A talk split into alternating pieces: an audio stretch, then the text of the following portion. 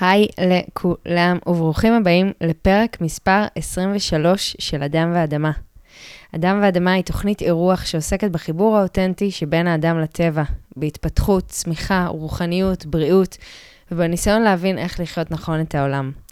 אם אתם חדשים פה, אז קודם כל וולקאם, וזאת הזדמנות טובה לספר שבשנתיים האחרונות מצאתי את עצמי לא מעט מסתכלת מסביבי וקולטת שכמות התוכן שגורמת לי להרגיש טוב שנמצאת כאן בחוץ, היא מאוד מאוד מצומצמת. תקופה ארוכה שממש בער בתוכי הצורך להנגיש החוצה מידע שבמקום להפחיד אותנו, יאפשר לנו לחיות פה חיים הרבה יותר הרמוניים, שלווים ומחוברים גם לעצמנו וגם לטבע.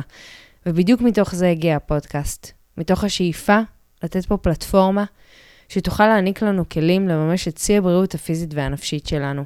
אני באמת מאמינה שזה אפשרי, כל עוד ניתן את התנאים הנכונים והמאפשרים ביותר לגוף ולנפש שלנו. וככל שאני חוקרת יותר, אני מבינה כמה השפעה יש לאורח החיים שלנו על הבריאות והשמחה שלנו. יש כל כך הרבה דברים שאני צמאה ללמוד עליהם, שבא לי לשאול, לדעת, להטיל ספק ולבחור מחדש את הדרך שלי, מתוך מקום חופשי ומודע. זאת הזדמנות טובה להגיד תודה על כל השיתופים שלכם, וגם להגיד שאם אתם אוהבים את העשייה שלי כאן ומוצאים ערך בפרקים, אז אני מאוד אשמח שתשתפו ותעבירו הלאה למי שהתוכן הזה עשוי לעניין אותו. בפרק הקרוב אני מארחת את שי אור. שי הוא יוצר גישת הורות כמעשה ניסים, מטפל מזה 25 שנים, מנחה הורים ומכשיר מטפלים בגישה. הוא עוזר לכל אותם הורים לחולל שינוי בחיי משפחתם, להעמיק את הקשר עם ילדיהם ולהפוך את הקשיים בבית למרחב מרתק של צמיחה, גם לילדים וגם להורים. אז תהנו מלא ותספרו לנו איך היה.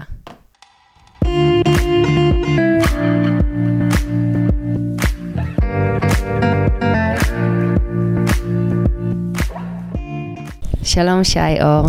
אהלן, שלום רוני. אה, תודה שהזמנת אותי למסיבה שלך. וולקאם למסיבה. אה, יש אה,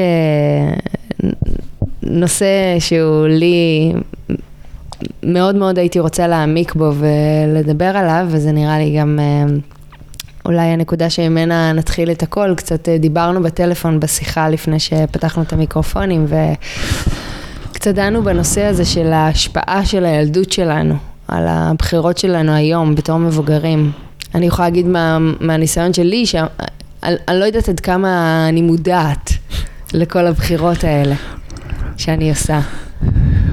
כן, אז אה, זה חתיכת נושא כואב וחשוב. אה,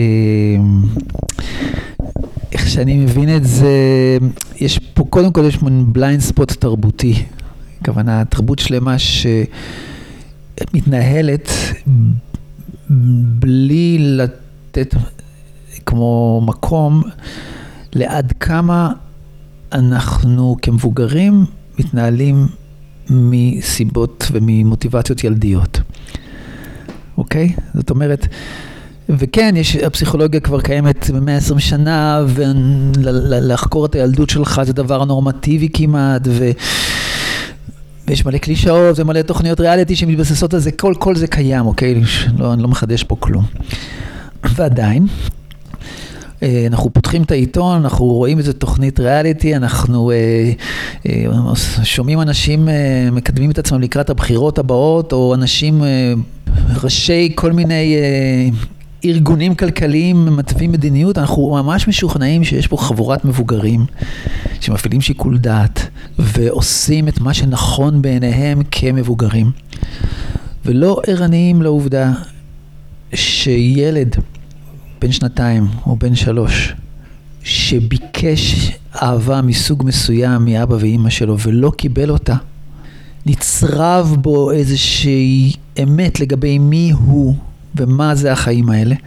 ועם האמת הזאת הוא הולך אה, ומעמיק אותה ומתרגם אותה לכל מיני בחירות והימנעויות. וכשהוא יוצא למלחמה לכבוש איזה מדינה, או כשהוא מחליט להקדיש 15 שנה בשביל להשיג את הפרס הראשון בפסטיבל הקולנוע, או בפסטיבל ל juggling, או בתחרות אה, ריצה, או במקום בסנאט, הוא עושה את זה לא כי הוא באמת, זה מיטיב איתו, ולא באמת כי זה משרת את מי שלידו ואת האנשים שיקרים לו, הוא עושה את זה מתוך מוטיבציה של ילד בן שלוש שרוצה להראות לאבא שלו שהוא קיים ושהוא ראוי להערכה. ואמרתי עכשיו משהו נורא כללי על המון המון אנשים. אני חושבת שהרבה מאיתנו יכולים להזדהות. אבל זה תיאור של ה blind spot הזה. לגמרי, עם התחושה הזאת של, גם היום בגיל מבוגר, אני עושה איזה משהו ואני רק רוצה שאימא שלי ואבא שלי יהיו גאים בי. יופי. אז הנה, את אומרת את הדבר. ואת אה, אולי לא מייצגת כל כך את רוב האוכלוסייה, כי את מודעת לזה. אוקיי, את אומרת... ברור לי אבל שיש מיליוני בחירות אחרות שאני לא מודעת. אוקיי, אבל הבחירה הזאת, כאילו, אה, בת כמה את? 32 עוד מעט. אז את בגיל 32 מעיזה להגיד, אני עושה את זה כדי לקבל הערכה מהם, אוקיי? אה, הרבה מאוד אנשים, גם בגיל שלך וגם בגיל 42 וגם בגיל 62, אה, יגידו, אה, זה למען המדינה, זה לטובת הילדים שלי, זה כי ככה אני מגיע לפרפקציוניזם בתחום שבו אני, אסור לי להיות לא הכי טוב. הם יגידו כל משפטים, אני קורא לזה אידיאולוגיות, אוקיי? מלא מלא אידיאולוגיות, רעיונות יפים, שבאים להסתיר פתולוגיה. שהפתולוגיה היא, אני לא ראוי להערכה על מי שאני, קיבלתי מסר ברור על זה מאימא שלי ומאבא שלי בגיל צעיר, ומשם והלאה אני מתנהל כדי להוכיח שאני כן ראוי להערכה. רק זה השורש? זה שורש אחד, mm. המרדף אחרי הערכה. יש הרבה, כאילו בתפיסה שאיתה אני חי ומטפל ומלמד, שבעה שורשים אפשר להגיד, או שבע בקשות עומק. שכל בן אדם אה, רוצה להרגיש שהוא ראוי לה, לה, לקבל אותם בחיים שלו, וכל ילד מבקש, רוצה להרגיש שהוא ראוי לקבל אותם מההורים שלו, כי זה העולם שלו בתור ילד. וסביב כל אחד מהשבע האלה, כשהן לא נהנות, נוצרת תפיסת עולם. תפיסת עולם שהיא יסודה בחוסר, או אפשר להגיד ברעב. אוקיי? מה הכוונה ברעב? אם הכי בקטנה נתחיל ממה שאת אמרת, mm-hmm. אז אה, אם הילדה בת השנתיים, ואני נכנס לך פה לחיים, בסדר? אין שום בעיה. אז זה חסר אחריות. אתה לא מבין כמה עברתי עם הפודקאסט הזה. זה חסר אחריות וזה לא מדויק בשום צורה, אבל זה יותר כדי להדגים את ה blind spot הזה למי שמקשיב לנו. יש פה ילדה אה, בת שנתיים שקוראים לה רוני, אוקיי? אני לא פגשתי אותה, אבל פגשתי הרבה הרבה ילדות בנות שנתיים שלי וש, ושל אחרים, אוקיי?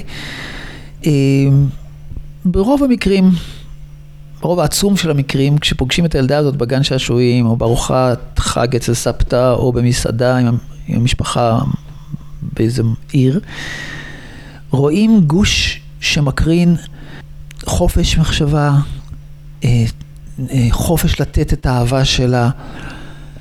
תחושה שהיא אה, מרכזית והיא מיוחדת והיא מקסימה מעצם הקיום שלה, אוקיי? בדרך כלל כשמגיעים איתה לבית של דודים או של סבים, היא לא מחכה, מסתתרת במכונית, והיא לא אה, אומרת, אני, אני מדבר על גיל שנה וחצי, שנתיים, לפעמים שלוש, חמש, היא רצה לדלת, פותחת אותה, מסתערת לתוך הבית של סבתא ואומרת, סבתא, את יודעת מה מצאתי? כאילו גיליתי שאני יכולה בלי שום בעיה לצ... להרים את ה... להרים את אימא, אוקיי? לידיים שלי, או... עכשיו, זה לא רק מה שהיא גילתה, זה גם החופש שלה להגיד את זה ולהכריז על זה. היא מסתובבת בעולם בידיעה שהיא ראויה להערכה מעצם הקיום שלה, אוקיי? היא לא מגיעה לסבתא ומראה לה שהיא ציירה, השתפרה בציור, כי היא כבר, היא לא ידעה לצייר אה, ציפור ועכשיו היא כבר יודעת לצייר מקור, אוקיי? היא לא באה לסבתא ומחכה שסבתא תשאל אותה איך היה לך במבחן מתמטיקה בשביל שהיא תוכל לקבל את ההערכה שלה. היא חווה את עצמה כיצור מופלא ונדיר ומיוחד מעצם קיומו, בלי שהיא בכלל חושבת את המילים האלה שאני אומר, זאת החוויה המכוננת שלה. אם היינו יכולים לצייר קו ישיר, אוקיי? בין הילדה הזאת בת השנתיים לבין האישה בת ה-32 שיושבת פה מולי. האישה בת 32 אה, לא הייתה אומרת שהיא מחכה, מצפה להערכה מאיזשהו בן אדם, ובטח שלא מאמא ואבא שלה. כי התחושה שהיא ראויה להערכה מעצם הקיום שלה, הייתה אה, ממשיכה להתקיים בתוכה. עם ההצלחות שלה כביכול ועם הכישלונות כביכול, אני אומר כביכול כי ברמה הפנימית אי אפשר, אין הצלחות ואין כישלונות, יש אותי בכל מיני וריאציות. והיא הייתה יודעת שכשאבא שלה רואה את הבחירה שלה אה, לרקוד, או את הבחירה שלה להרביץ לאחות שלה, אה, בשני המקרים הוא היה אומר, וואו, איזה יצור מופלא נולד לי בבית, ואיך אני עוזר לה עוד יותר להאמין בעצמה. ואז כשהיא הייתה בת 32, היה לה ברור שהיא לא צריכה להסתכל אחורה. רגע, אני טובה, אני מוצלחת, אתם מעריכים את מה שאני עושה? היא פנויה להסתכל קדימה, מה היא רוצה לעשות עם עצמה? אבל זה לא מטבע הדברים שלנו? להיות גם באיזשהו מקום, אפילו בלי קשר ל... אם קיבלנו אהבה והערכה מספיק, זה לא קצת הטבע שלנו? מנסה למצוא את המילים המדויקות, אבל כאילו לא להיות אולי בטוחים בעצמנו לפעמים עד הסוף, או לראות הרבה פעמים גם מה אין או מה חסר. וואי, את אמרת פה את המילה הטבע שלנו, והרמת לי, העפת אותי לסמטה אה, משמעותית אחרת, כאילו, כי כל השיח על טבע האדם, אוקיי? מה הטבע שלנו, הוא אלפי שנים מנוהל על ידי גברים שלא גידלו ילדים. למעשה לא פגשו תינוקות בצורה אישית. אוקיי, עשו את הילד הזה, איזושהי אישה גידלה אותו בשבילם. מתי הם פגשו אותו? הם פגשו אותו כשהוא כבר הולך ומדבר, וכבר אפשר להקנות לו ערכים ולהעמיס עליו אה, אה, ציפיות. ואת כל הסיטואציה הזאת שאני מתאר לך, ילד, ילדה שהיא פשוט כולה קורנת מהערך העצמי שאיתו היא נולדה, הם לא פגשו את היצור הזה.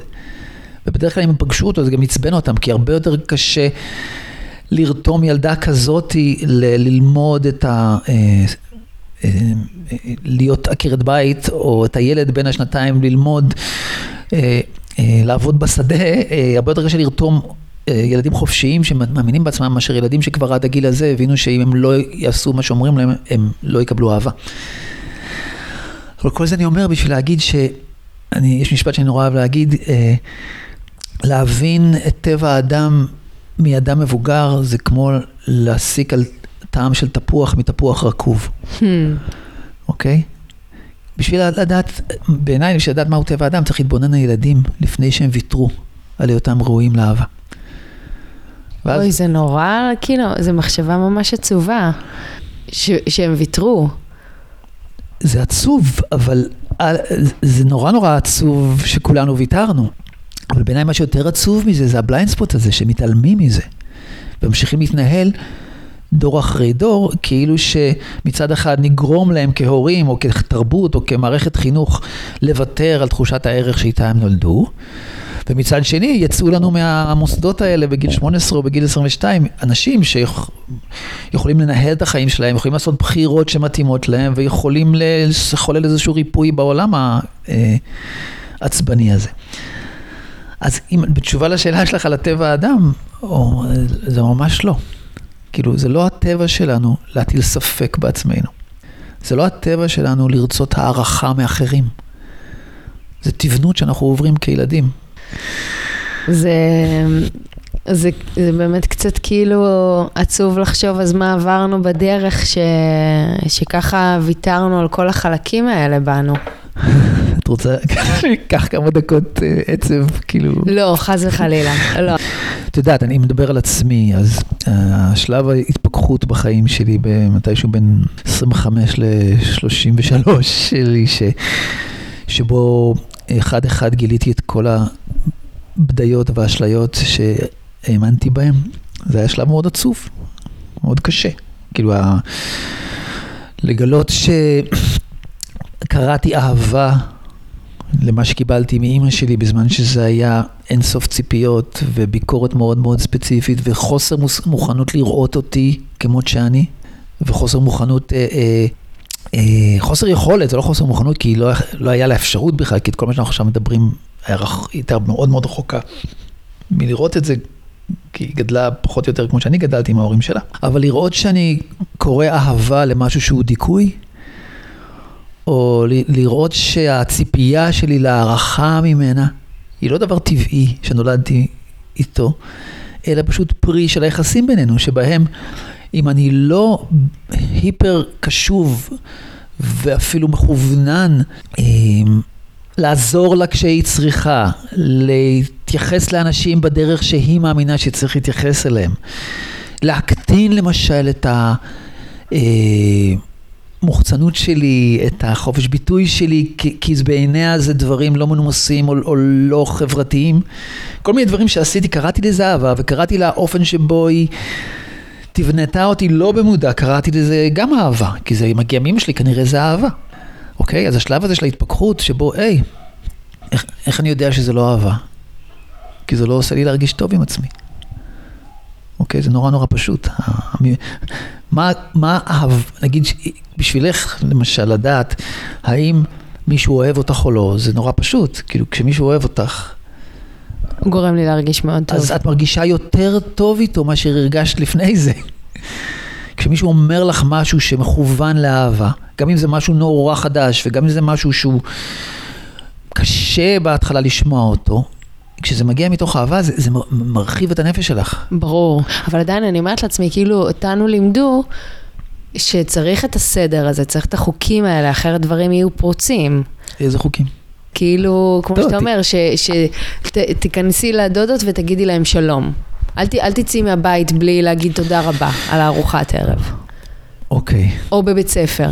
כן, אז, אז, אז הנה, אל למה... אל תתפרצי ותרימי יד לפני בואי, שאת... בואי, בואי, בואי ננתח את זה ממש. Mm-hmm. תקחי אחד מהם, איזה, איזה, עם איזה את רוצה להתמקד? להגיד שלום, ל... להגיד תודה רבה אחרי שהתארחנו אצל דודים שלנו. יופי. באיזה גיל את? 12. את ילדה בת 12, אוקיי? Mm-hmm. כבר uh, עברת המון בחיים, אוקיי? נראה לך שהיית סתומה? לא, בכלל לא. נכון? לדעתי אפילו מי שאמר לך את זה לא חשב שאת סתומה. אז עכשיו בואי תנסי להיכנס לראש של מי שאמר לך אה, להתנהל ככה. מה, מאיזה סיבה יכול להגיד לך כזה דבר? כמו, תתנהג, תעשי משהו אחר ממה שאת עושה. תראה, אני יוצאת מנקודת הנחה וגם מההיכרות שכל הכוונות תמיד היו הכי טובות בעולם.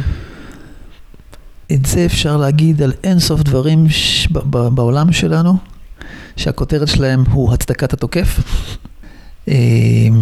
אני לא משווה לשום פוגענות. אה, אה, כן, זה מתוך רצון להיות אבל- נחמדים למי שאירח אותנו, למה? להביע... למה להגיד, למה, שנייה, אם ניקח שתי אפשרויות. אחת, את כן. נכנסת לבית של הדודה שלך. בדרכך, כמו שיוצא לך, או כמו שאת בוחרת. אבל דרכי בגיל 12... שתיים, את נכנסת לשם מונחית על ידי דרכה של אימא שלך. למה זה יותר טוב שתעשי את זה בדרך של אימא שלך?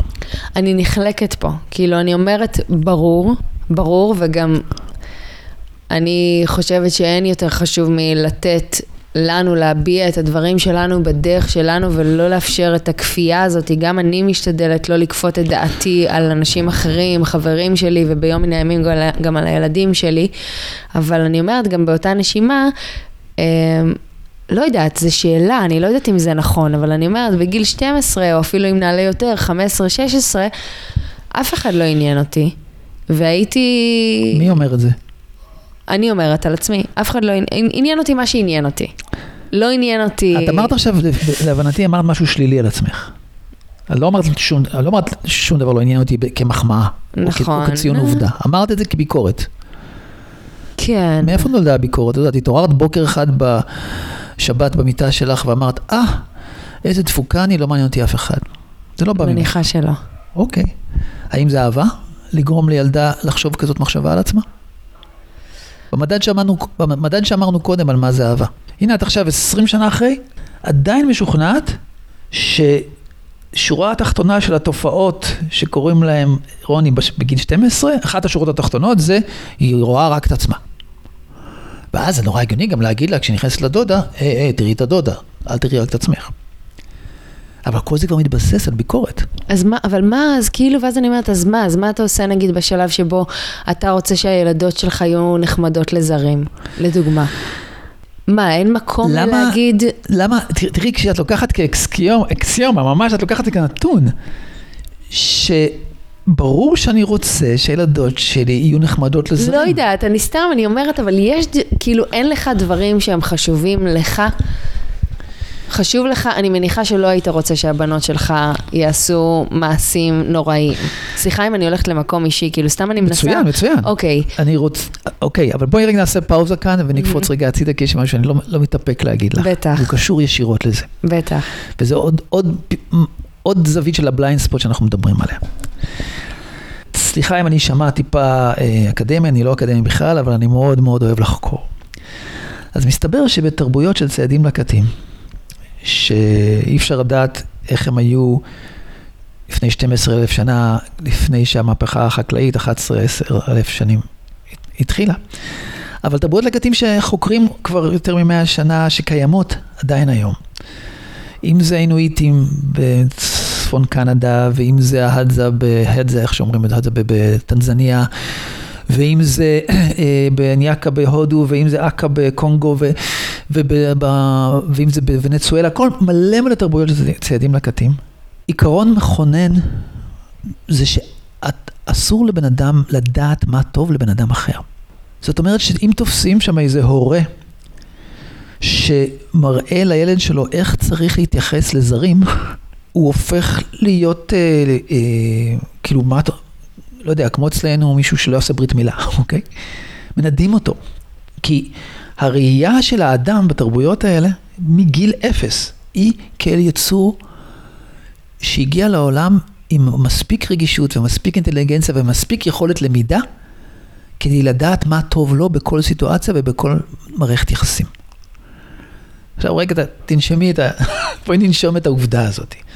המובן מאליו שאת מתוכו דיברת איתי, שאם אני אבא ואני אוהב את הילדות שלי, ויש לי ערכים או עקרונות, ואני רוצה שהם ינהגו לפיהם, בהרבה מאוד תרבויות שנחקרו, שבהם מסתבר שאנשים בהרבה מקרים מאושרים הרבה יותר מאשר התרבות שאנחנו הצאצאים שלה.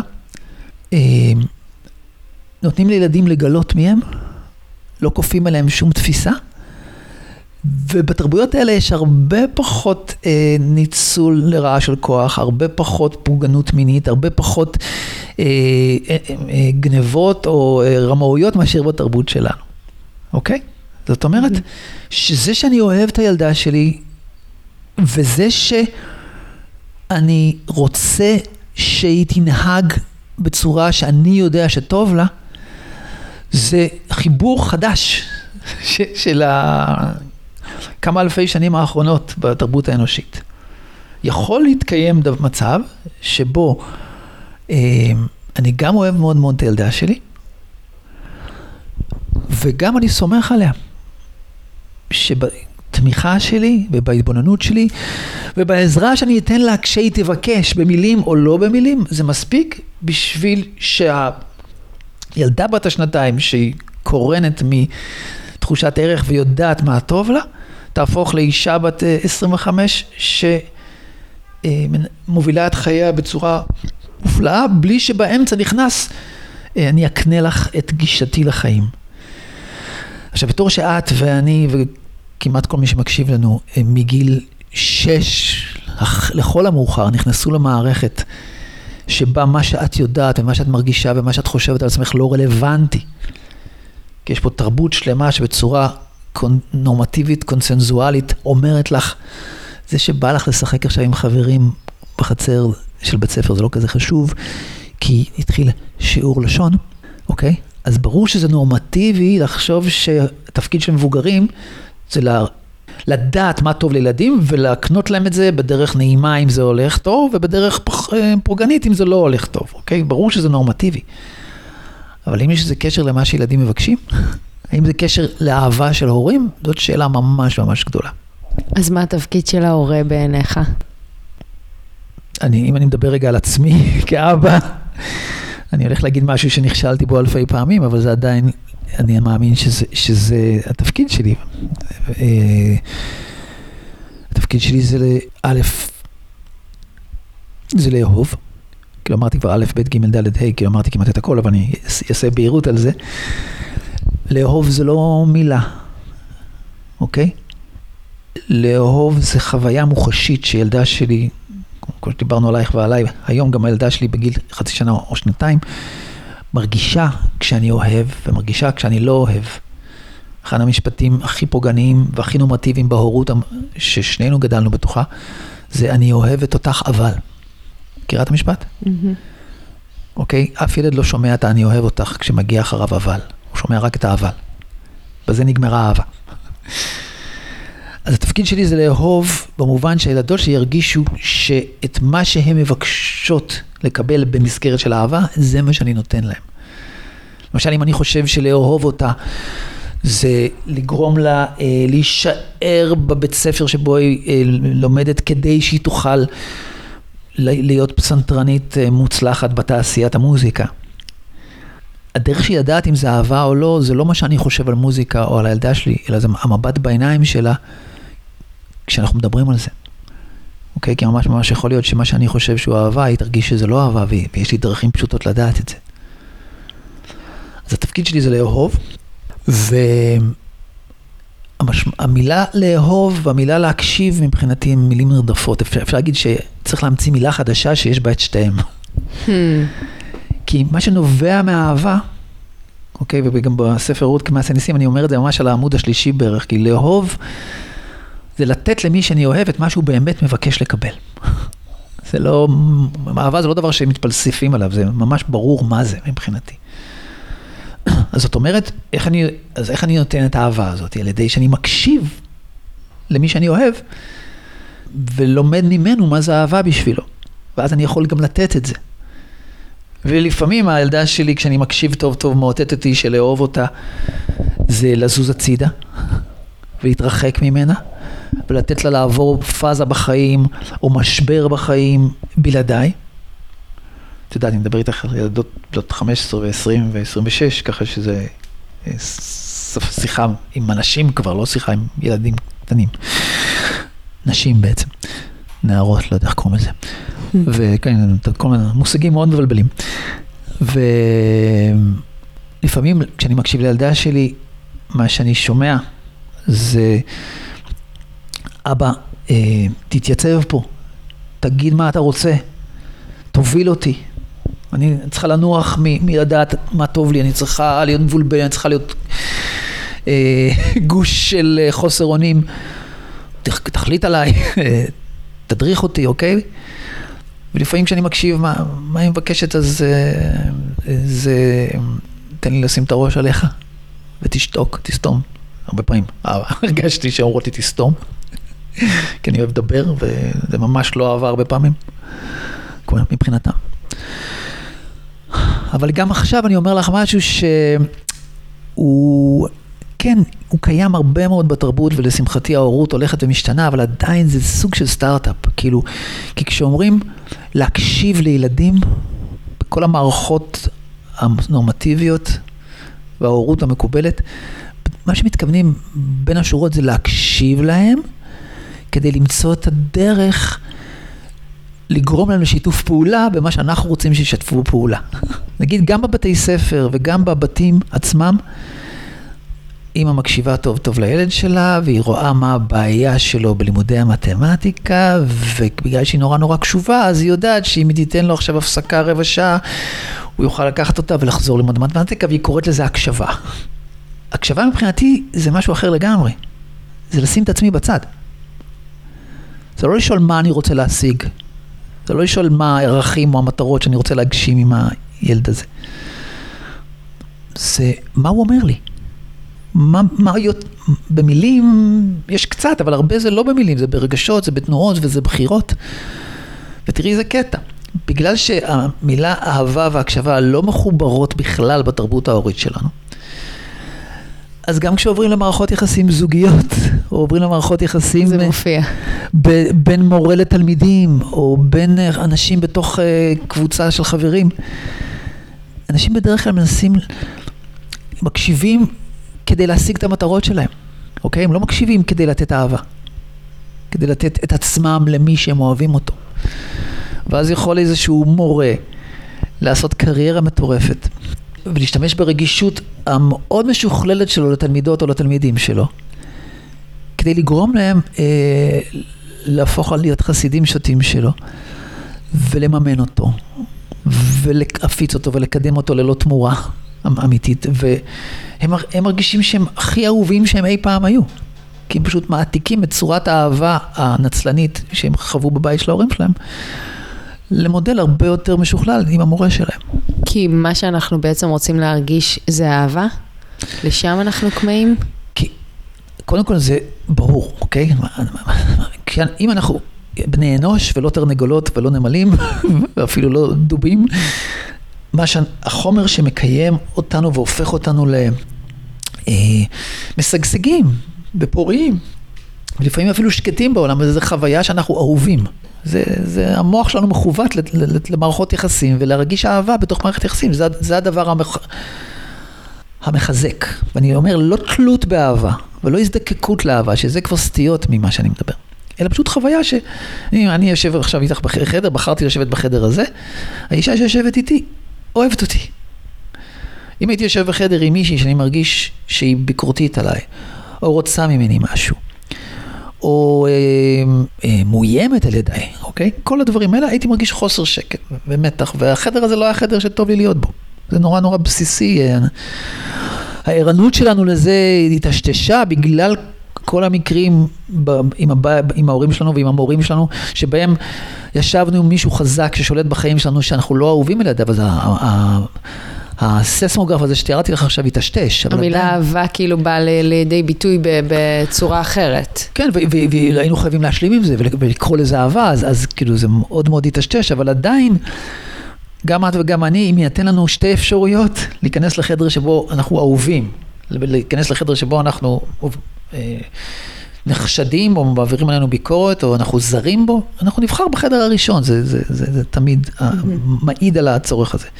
אבל הדוגמה שנתתי על אה, תלמידים ומורה והשימוש לרעה במנגנון הזה, היא, היא קשורה לזה שכשבתור ילדים התעוות, התעוותה תבנית אהבה, זאת אומרת היינו עוד ועוד צרכנים של תבנית אהבה פוגענית, אנחנו קוראים לזה אהבה.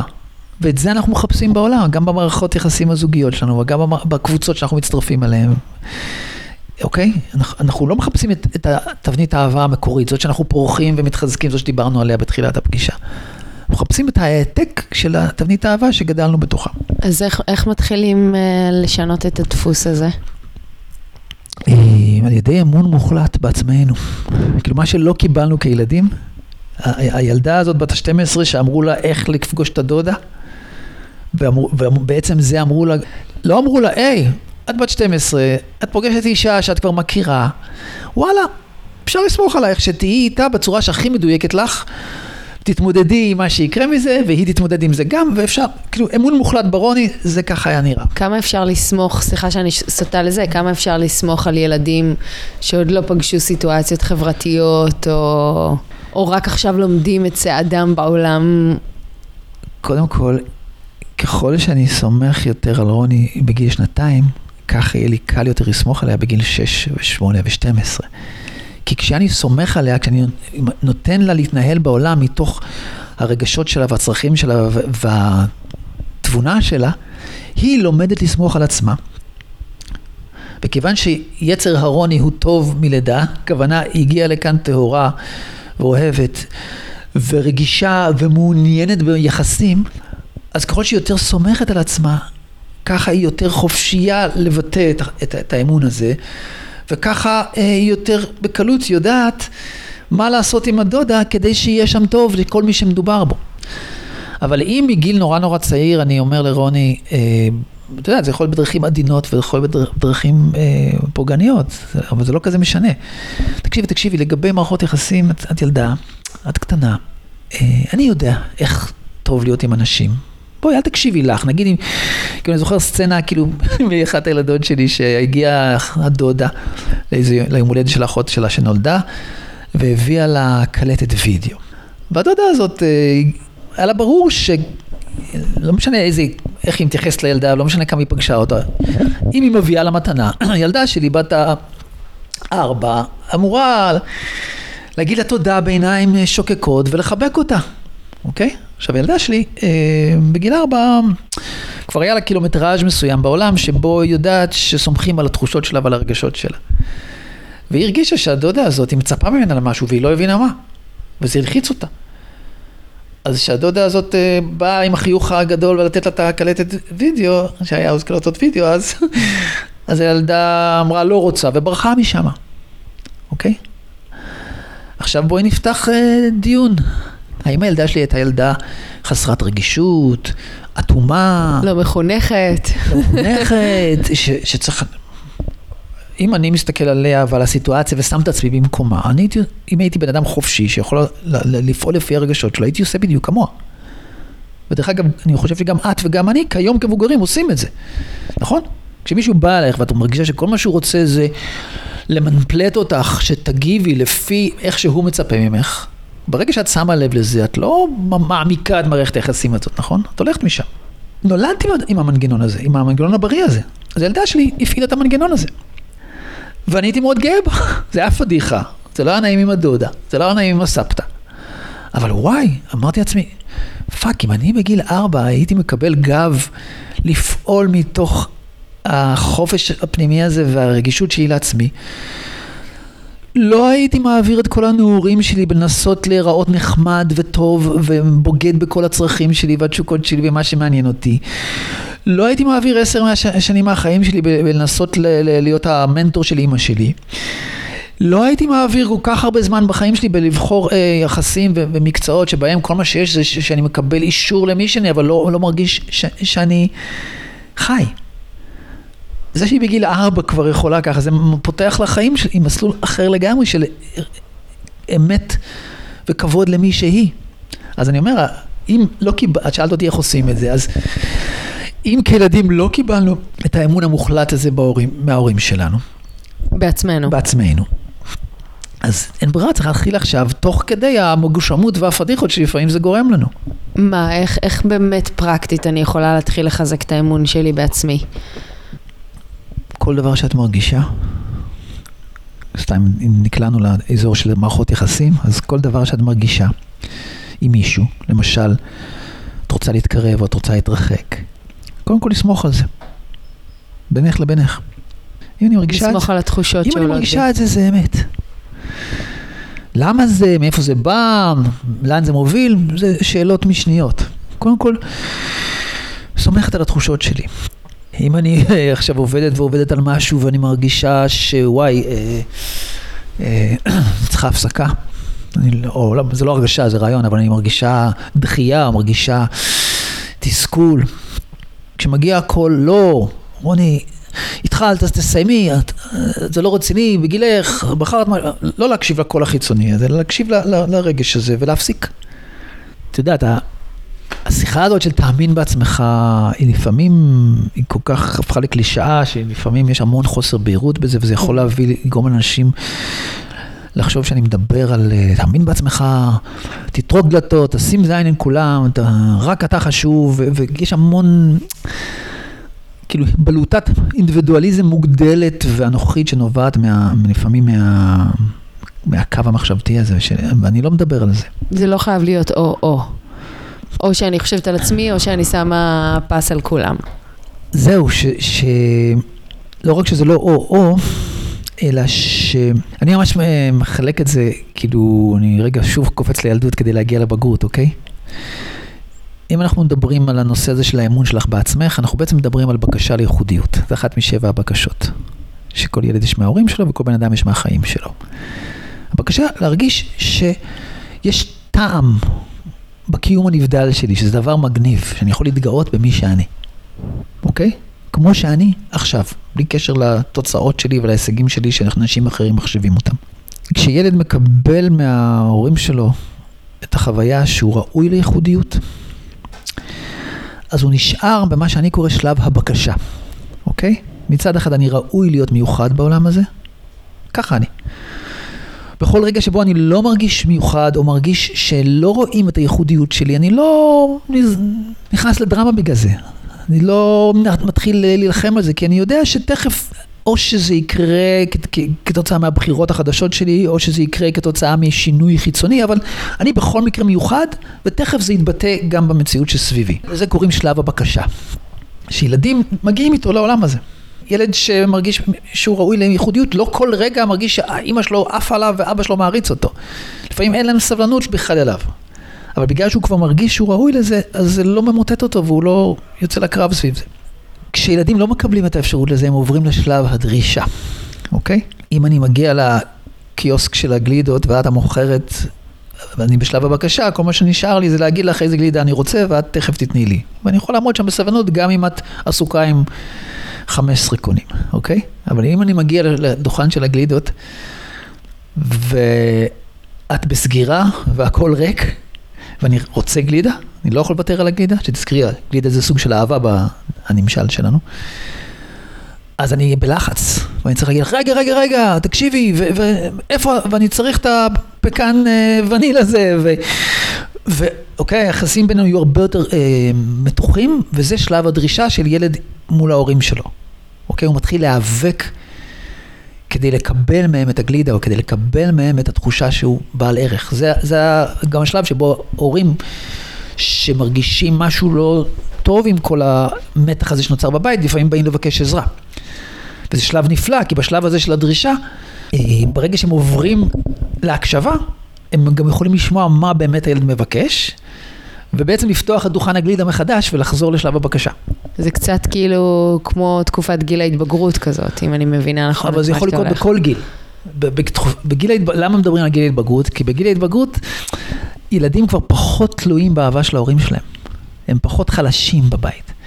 ואז הם יכולים להחצין את המאבק, תראו אותי, תיתנו לי את מה שאני באמת מבקש, הם לא יכולו לעשות את זה לפני גיל ההתבגרות.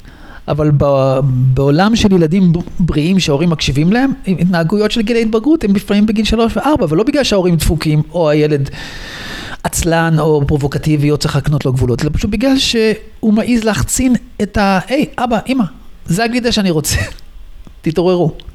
ואתה אומר שזה יכול, אני יכולה לתת מקום לרצונות שלי ולעקרונות שלי במרכאות, בלי שזה ירמוס? רגע, רגע, אז הנה, תכף, הפאנץ', עוד לא כן, לא הגיע. כן. כשהורים מקשיבים בשלב הדרישה, אז בעצם אחרי תהליך של הזיהוי הזה, של בקשת העומק, זה חוזר להיות שלב הבקשה. אוקיי? כי הילד שוב מרגיש ראוי למה, להערכה שהוא יודע שהגיע לעולם ראוי לה. אבל כשהם לא מקשיבים, וזה מה שקרה במשפחות שלנו, עם כל ילד סביב בקשות אחרות, כן? או מגיע שלב הוויתור. בשלב הוויתור, הילד מבין שהוא לא ראוי לייחודיות, בדוגמה, הגלידה הווניל פקן שהוא נולד עם תחושה שהוא כן ראוי לה, הוא מבין שהוא לא ראוי לה.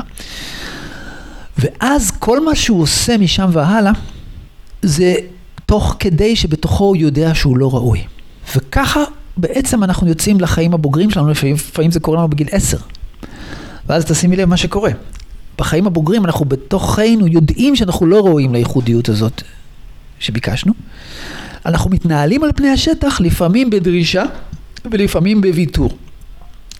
לפעמים אנחנו מחרפנים למי שאיתנו בקשר את המוח ללא הפסקה, שתעריך אותי, שתעריך אותי, שתעריך אותי, והיא לא מתקשרת אליי והיא לא שלחת אסמסים, וסיימתי פרויקט חדש והיא בכלל לא עצרה כדי להתפעל מזה. אולי צריכים להיפרד כי את לא מעריכה אותי, אוקיי? זה, זה, זה האסטרטגיה של הדרישה שבתוכה אנשים נתקעים, ורוב האנשים המצליחים בעולם שלנו, שכולם כותבים עליהם ספרים ומוצאים אותם בכל מיני טבלאות, הם אנשים שנאבקים ללא הפסקה בדרישה שיעריכו אותם. והאסטרטגיה השנייה זה האסטרטגיה של הוויתור. שכאילו, אוקיי, אני לא מאלה. אני בן אדם שאין לו בדיוק מה להגיד או אין לו מה להראות, יש לי איזה עבודה, אני סמנכ"ל באיזה חברה, אני עושה את זה הכי טוב שאפשר, ויש לי בית יפה בסביוני משהו, ו... אבל אני לא אחד שבאמת אפשר להתפעל ממנו ולהעריך אותו. ולמה אני אומר את כל זה? כי אם תחשבי שוב על, על שלב הבקשה, אם זה ילד שהגיע לחיים הבוגרים בשלב הבקשה, זאת אומרת שהוא יודע שהוא ראוי להערכה.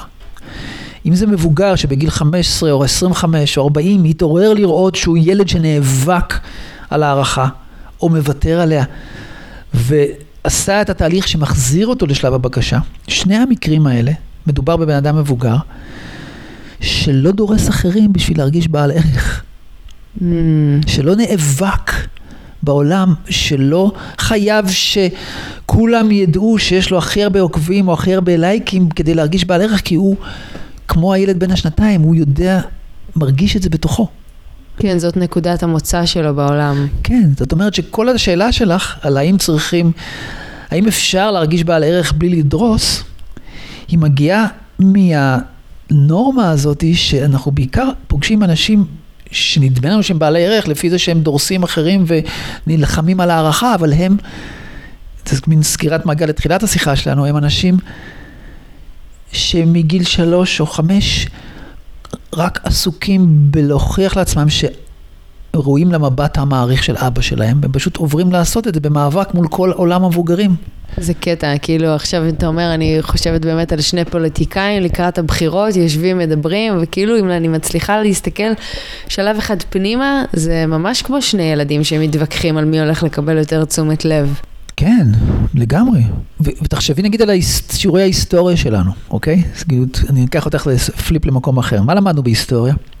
את זוכרת את ספרי ההיסטוריה? לא, לא הייתי הולכת לשיעורים. להיט סדרות. בסדר, אני, אני מאוד אהבתי היסטוריה, ולקח לי הרבה שנים לגלות מה באמת למדתי שם. אז למדתי שם בעיקר את המלחמות בין הגברים השליטים על כוח ועל אה, שליטה בטריטוריות. אוקיי? אנשים שרשומים כמוערכים בהיסטוריה האנושית, שאותה אנחנו לומדים על החמשת אלפים שנה האחרונות, זה בעיקר גברים שלא קיבלו הערכה מאבא שלהם. וזה נתן להם מוטיבציה אדירה כן להשיג הערכה ממנו. והדרך שלהם לנסות לקבל את התחליף של זה הייתה בלשלוט בחיים של אחרים ולכבוש כמה שיותר שטחים. ולהקים אימפריות. אז אתה בעצם אומר שהורות טובה יכולה להביא שלום. אני אומר שההורות היא בית המלאכה שבו נוצרת האנושות, אוקיי? ואני אומר, אני מציע, אתה יודע, זה קצת יומרני אולי שיכול להישמע, אבל שלום זה תופעת לוואי. כאילו, שלום בעיניי זה לא הרמוניה, זה לא איזה מין אה, אוטופיה. אני מדבר על מצב שבו אנשים לא עסוק, אנשים מבוגרים, כל כך מחוברים לערך שלהם ונאמנים לעצמם ולצרכים שלהם, שהם פנויים פשוט לבטא את מי שהם ולתת את מי שהם לאנשים אחרים, והם לא מעבירים את כל החיים הבוגרים שלהם בלהוכיח אה, שהם ראויים לאהבה של אבא ואימא שלהם. אנשים שפנויים לתת את עצמם ולא לקחת מאחרים אה, כל מיני, לקחת הגנה, לקחת הערכה, לקחת קרבה, לקחת מין, לק... אוקיי? רוב המבוגרים בעולמנו, את השבע בקשות שהם לא קיבלו, אחת משבע בקשות שהם לא קיבלו הורים שלהם. שאולי נמנה אותם באמת. בקשה לבית, אוקיי? אז מי שמקשיב לנו יכול לדמיין את האנשים בחיים שלו, המבוגרים ששרויים במאבק להשיג לעצמם בית, להשיג נאמנות. להשיג שקט, אם אני אשיג את הסכום האדיר הזה ויהיה לי את המשכורת, אני אוכל לבנות לי בית שבו סוף סוף יהיה לי שקט, אוקיי? ו... שאיך אגב בשלב ההורי אתה יכול להעניק את זה לילד? זה בכל שלבי הבגר... ההורות, אבל בעיקר הכי זה בשלב הראשון של, ה... של הילד מגיע לעולם והוא רוצה להרגיש שהוא יכול לנוח בבית הזה, שאין שם מתח. שמי ש... כשהוא צורח בלילה, מי שמחזיק אותו על הידיים, רוצה להיות איתו ו... ורוצה להיות איתו תוך כדי שזה לא פתיר, והוא יכול לצרוח מכאב שיניים שלוש שעות, ועדיין מי שמחזיק אותו ירצה להיות איתו בכאב הזה. הכלה של כאב והכלה של קושי זה המפתח לחוויית בית אצל ילדים, גם אצל מבוגרים, אבל קודם כל אצל ילדים קטנים יותר אפילו. אז כאילו, זאת הבקשה הראשונה. וכמובן חוויה של מוגנות, סליחה, זה עדיין בקשה לבית, כאילו חוויה שההורים שלו הם לא נגדו אלא בעדו, חוויה שבכל רגע שהוא uh, עומד מול העולם אז יש מישהו שהוא לצידו והוא לא לבד שמה. אפילו מול הדודה, כמו שדיברנו קודם, כאילו שהאבא שלי, כשאני דוחה את הדודה הזאת, הוא בצד שלי ולא עומד מולי לצד הדודה או לצד הבית ספר ומחנך אותי שאני אשתלב בעולם שאני מרגישה שחונק אותי. אז זה בקשה לבית. בקשה שנייה, בקשה להנאה, אוקיי? שול, ש, uh, תחשבו, תחשבי על המבוגרים בחיים שלך שהם במאבק מתמיד להוכיח שכיף להם. לשמור על, הבוקר מדיטציה, או על הבוקר גלישה, או על האפשרות, ל, ל, ל, או על המסעד, אוכל הטעים במסעדה, או על הפסטיבלים, אבל זה לא במצב של גמישות, או שיש או שאין, זה מצב של אובססיביות. אותו דבר על המאבק להוכיח את המיניות שלי, או להילחם, להשיג מין בצורה שמגיע לי, כאילו, התדר של המאבק, זה, זה מה שאנחנו מחפשים פה. כאילו, כי מי שחי את המיניות שלו בגמישות ובחופשיות ומרחיב אותה בקצב שלו, איך, ש, איך שמתאים לו, זה, זה משהו אחר. אבל בגלל שזה נלקח מאיתנו כילדים, האפשרות להיות ראויים להנאה ולחושניות ולתשוקה ולמשחקיות, אוקיי? תחשבי על ילד שבגיל חמש וחצי, אומרים לו, אוקיי, היה חגן, סבבה, שיחקת איזה יופי, חלאס, עכשיו חצי שעה ביום, זה מה שתקבל לשחק עם הילדים החברים שלך. אז מה, מה אנחנו אומרים לילד הזה? ההורים אומרים לו, כי הם שולחים אותו לבית ספר. מה הם אומרים לו על המקום של המשחקיות בחיים האלה? אוקיי? מוגבל. לא חשוב. חשוב שתלמד לשון, כי יום אחד תעשה בגרות, ואז תצטרך לעשות תואר, ואז תצטרך להשתחרר לעולם ולעשות כסף. זה שאתה לא מבין את כל הדבר הזה, וזה שאתה בן חמש וחצי, וזה שאתה פורח במשחק, ואגב, אה, מחקרים שדיברנו, אז משחקים של ילדים זה המקום שבו הם הכי הרבה לומדים. לפתח את האמון שלהם בעצמם, לפתח את יכולת הלמידה שלהם, לפתח את המערכות יחסים שלהם, זה שזה נלקח מהם, זה פשוט הופך אותם לאנשים פגומים. אה, אבל זה סוגריים אולי לפודקאסט אחר. בקשה שלישית, בקשה לייחודיות, דיברנו עליה הרבה היום. כאילו חוויה שאני ראוי להערכה מעצם הקיום שלי, או בילדות, או שאני נותן את זה לעצמי, עם בקשת עזרה ממטפלים או ממי שאני צריך בבגרות שלי. הופכת אותי למישהו שמאוד לא נשתלב במטריקס של התרבות, ואפשר להסתכל, תסתכלי את על האנשים מסביבך. אני בטוח שכבר יצא לך לפגוש אנשים נורא מצליחים, שפגשתם וראית שהם לרגע לא יכולים לנוח וליהנות מההצלחה שלהם. בטח. לפגוש. Mm-hmm. הם במאבק. מאבק להוכיח את הערך שלהם. כי מי שהוא בשלב הבקשה, והוא רוצה להגיע לאיזו יצירה מוזיקלית, לכתוב איזה שיר מדהים ולאבד אותו ולהופיע איתו. כשהוא בשלב הבקשה, אז אחרי שהוא עושה את זה, הוא שבע, הוא מבסוט. זאת אומרת, עדיין יכול להיות drive מאוד גדול לעשות את זה, אבל הוא לא מגיע עם, עם מאמץ, אם אני מבינה את מה שאתה אומר, או, או שכן עדיין יכול להיות drive מאוד גדול, ה drive, אבל, אבל אתה שבע. שוב, ש... דיברנו על טבע האדם, שוב אני מטריד אותך עם זה. תסתכלי על ילדים בני שנתיים. אם, אם תגידי להם את המילה drive, הם לא ידעו על מה את מדברת. אין רגע שבו הם לא עסוקים בלחקור, בלבטא, בלבקש, בלשאוף, אוקיי? וזה, ו, אבל מה עושים? לוקחים את זה מהם בגן ואחר כך בבית ספר, ואחר כך בצבא ואחר כך באוניברסיטה. ואחר כך מתפלאים שבגיל 25, אה, בכל רגע של שעמום הם צריכים להסניף משהו או לראות איזה סדרה. מבינה? כי הדרייב נלקח מהם בצורה שיטתית במשך יותר מ-12 שנה. אבל אה, ה drive הוא מולד. ה drive לבטא את עצמי, לגלות את הייחודיות שלי, למצוא את השפות שאיתן אני פורח בעולם הזה, זה דבר מולד, שהגענו איתו. לא צריך לתת את זה לאף אחד, אם, אם פשוט צריך לא להפריע לו. אז אני אומר, ה drive של האנשים שעכשיו דיברנו עליהם, הוא לא ה drive המקורי של פשוט ללכת עד הסוף עם, עם מה שמדליק אותי. כי אז הם היו נחים מדי פעם, אז הם היו שבעים, אז הם היו אומרים, וואו, הוצאתי אלבום. איזה אלוף אני. אפשר לנוח. עבדתי נורא קשה, קיטרתי במשך שנה, כל מי שפגשתי אמרתי, אין זמן, אין זמן, לא יכול לדבר איתך, אני צריך... אה, אז עכשיו אני כנראה רוצה לנוח, אני יכול לנוח. לא, אם אני אנוח, אני... הרכבת תמשיך בלעדיי, אני לא מוציא אלבום פעם בשנה, אף אחד לא ידע מי אני, אוקיי? וכל, וכל אחד בתחום שלו.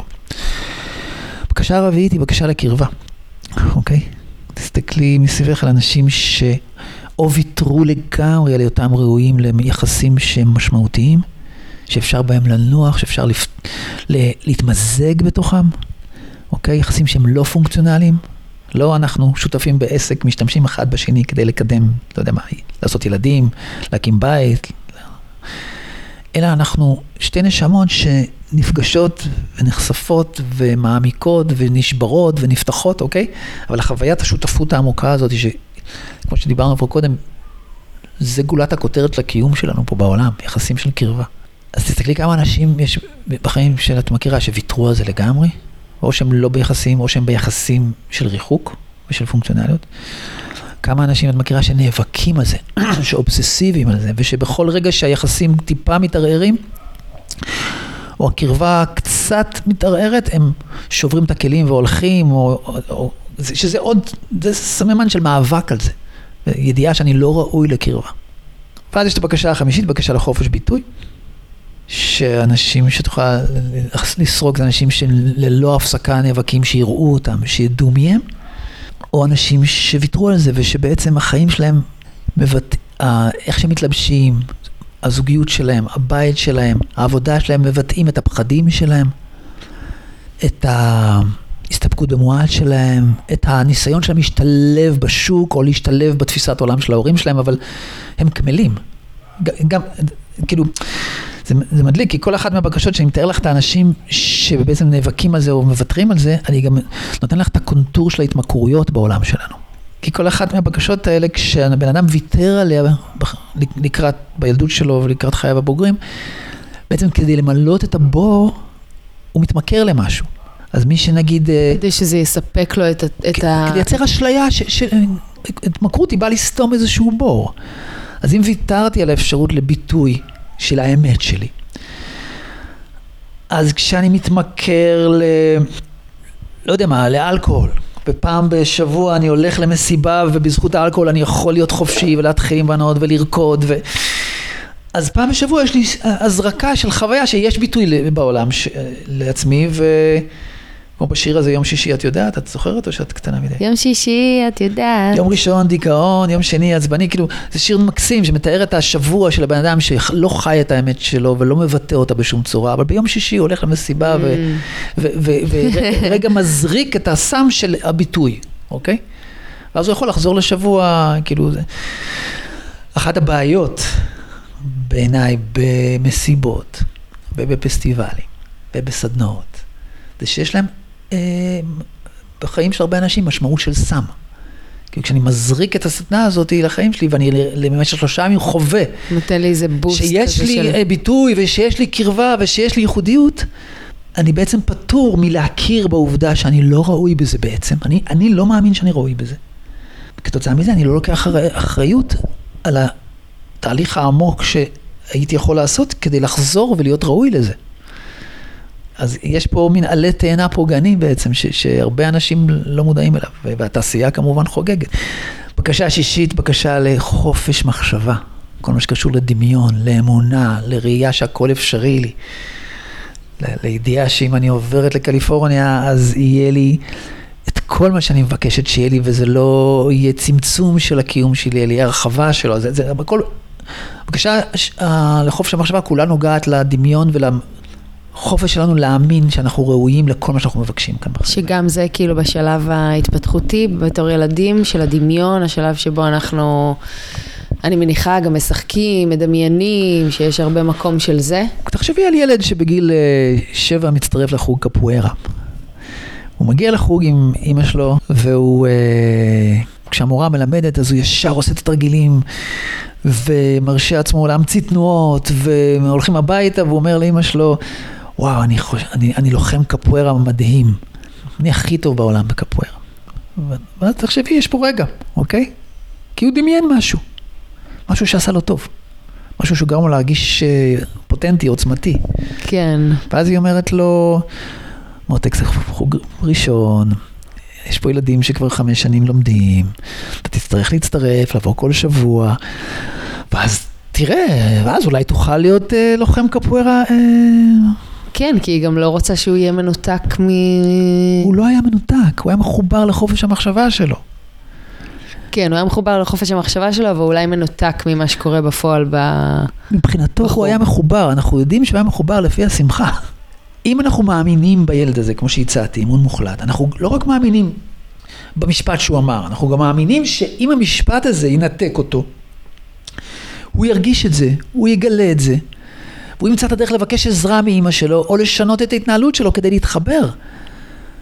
הרבה מאוד מההתערבות הפוגענית של הורים בחיים של הילדים שלהם, והחוסר אמון הזה, נובעים מזה שההורים עצמם נפגעו אינסוף פעמים מזה שהם העריכו את עצמם, מזה שהם האמינו בעצמם, ובעצם הם מוכרים לילדים שלהם לא אהבה, אלא הגנה.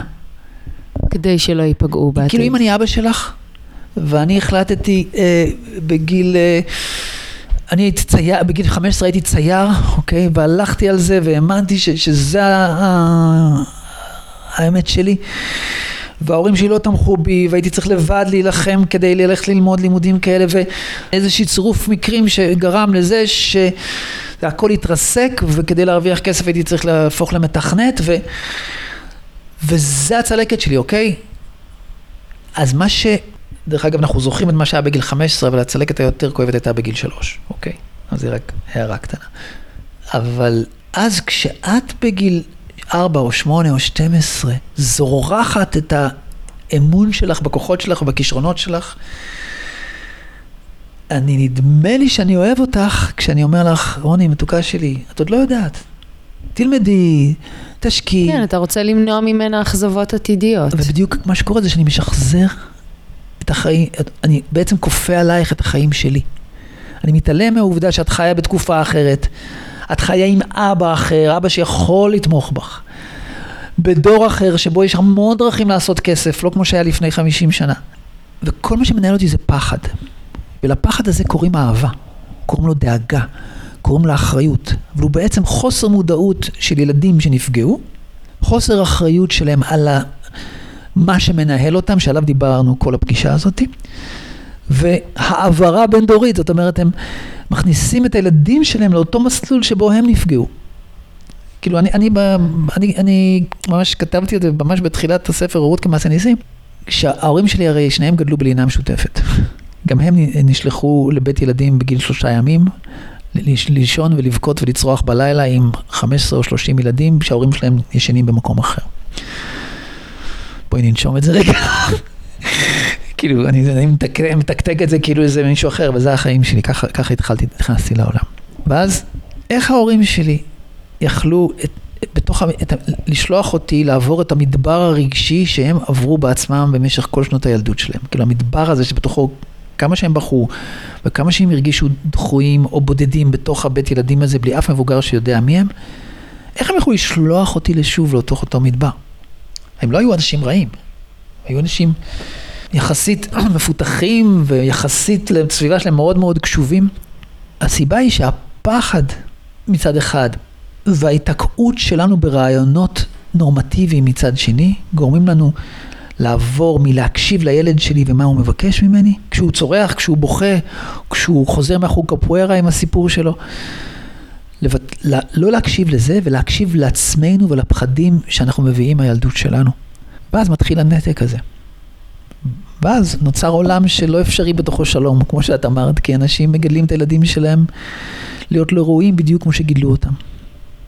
סיום עצוב קצת למשפט הזה. אז תמשיך ישר לבקשה השביעית.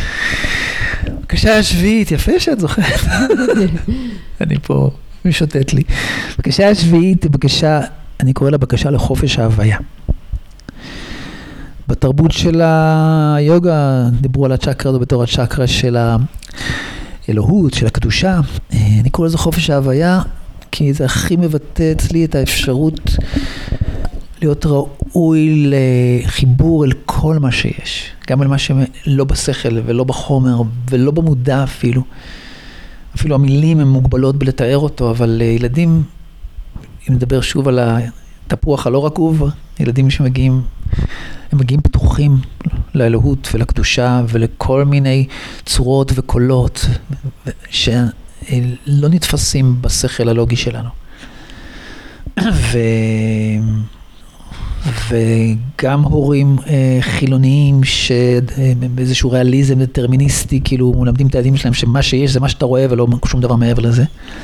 וגם הורים אה, שמגיעים מדתות אה, אה, המאורגנות, המקובלות, שבתוכם האלוהות היא משהו תובעני ומפחיד ואטום לצרכים של הבן אדם, אוקיי? כי האלוהות הרי הגברית הזאת היא ביהדות, בנצרות, באסלאם. בעיניי ההורות הזאת נבנתה בצלם ההורות. כאילו, ברוב המערכות יחסים של האלוהים עם האדם, אם תקראי, תעברי על החומר, תראי שהוא מתנהג בדיוק כמו אבא תובעני. זה עדיין מנגנון של החטא ועונשו. לגמרי. אז גם באלוהות מהסוג הזה, ילדים אה, כשמגיעים לעולם עם חיבור טבעי ופשוט לאלוהות, לא מבינים אה, מה זה, ובעצם יכול להיות שהם משתפים פעולה עם המנהגים ועם התפיסות הדתיות, אבל מבחינת החיבור האינטימי הפשוט שלהם היה עם האלוהות, הם מוותרים עליו כי זה אלוהים אחר. אז, ואז אתה רואה בבקשה השביעית, אנשים כל מיני כתות למשל, זו דוגמה קיצונית ולא כזאת חשובה אולי, אבל כל מיני כתות שבהם כל מיני אנשים משחקים עם הרגשות ועם החיים של אנשים בתמורה לזה שהם יחברו אותם לאלוהות. אז זו דוגמה למאבק על חיבור לאלוהות, ושכמו בכל הבקשות, החיבור הוא ראשוני, הוא יסודי והוא מעצם הקיום שלנו. אנחנו צריכים לסיים, אז אני רוצה לשאול אותך, כאילו לסיום, איך אנחנו, מאיפה להתחיל את הדרך אה, למלא את המקום הזה? את כל החלקים האלה, כדי שנוכל לצאת לעולם מלאים בעצמנו. וואו, דרך להתחיל, יש הרבה הרבה דרכים, ומאוד מאוד כדאי לבקש עזרה, אם משהו מכאן דיבר אליכם, פשוט לבקש עזרה, ולהפוך את עצמכם לראויים לבקשה שבה לא נעניתם. יש לי רעיון להתחלה מאוד מרגשת. נגיד אם אני אומר את זה לך, אז uh, יש לך ראי בבית? כן. אז את הולכת לראי, סוגרת את הטלפון, הולכת לראי. בידיעה שיש לך uh, חצי שעה שם, אז מסתכלת על הפנים האלה. קודם כל להתוודע, אוקיי? מה קורה? מי זה, מי זה האישה הזאת? ברמה ממש הטכנית. איך הגבות, איך האף, איך השיניים, כאילו... כי כמעט כל האנשים שאני מכיר, כשמסתכלים בראי, הם, זה בעצם מפגש למזעור נזקים. הם לא רואים את מה שהם רואים. הם לא פוגשים את מי שנמצא שם. אז זה גם דרך אגב, בהכשרת מטפלים, זה אחד הדברים הראשונים שקורים בתרגילים בזוגות. כאילו, מי נמצא שם מולי? אנשים עושים את זה אחד עם השני. איזה גבות, איזה עיניים, לא ישר מה אני רוצה ממנו, או מה הוא ישאל אותי. מי זה הבן אדם הזה? אוקיי, יש פה חומר, אנחנו חומר. אז קודם כל, את זה את עושה. ואז את עוברת לעיניים, אוקיי? וממש מסתכלת פיזית על העיניים, קודם כל הצבע והצורה והריסים והקמטים הקטנים וכל כל, כל מה שיש שם. להסתכל לתוך העיניים של האישה או האיש הזה, אבל בצורה חדשה, לשאוף פנימה את הצבע, את, ה, את האיכות, מה אני רואה בעיניים האלה, האם זה נדיבות, האם זה עדינות, האם זה עוצמה, האם זה חושניות, כאילו, ולשאוף ממש להסניף את זה פנימה. ולקחת אחריות, זאת האישה, זה האיש שראוי לאהבה יותר מכל, ושאני זאת שאחראית שהיא תקבל את זה בעולם הזה. ואפשר לתרגל את זה פעם ביום. התחלה ממש טובה למסע חדש של אמון מוחלט בעצמנו. מדהים. אני מתחילה לתרגל את זה. יס. Yes. שי אור, תודה רבה רבה רבה. לכם אני אגיד שאם נהניתם מהפרק אז אתם מוזמנים להעביר אותו הלאה ולהפיץ אותו למי שגם לא הוא ייתן ערך. אז תודה רבה לכם ונתראה בפרק הבא.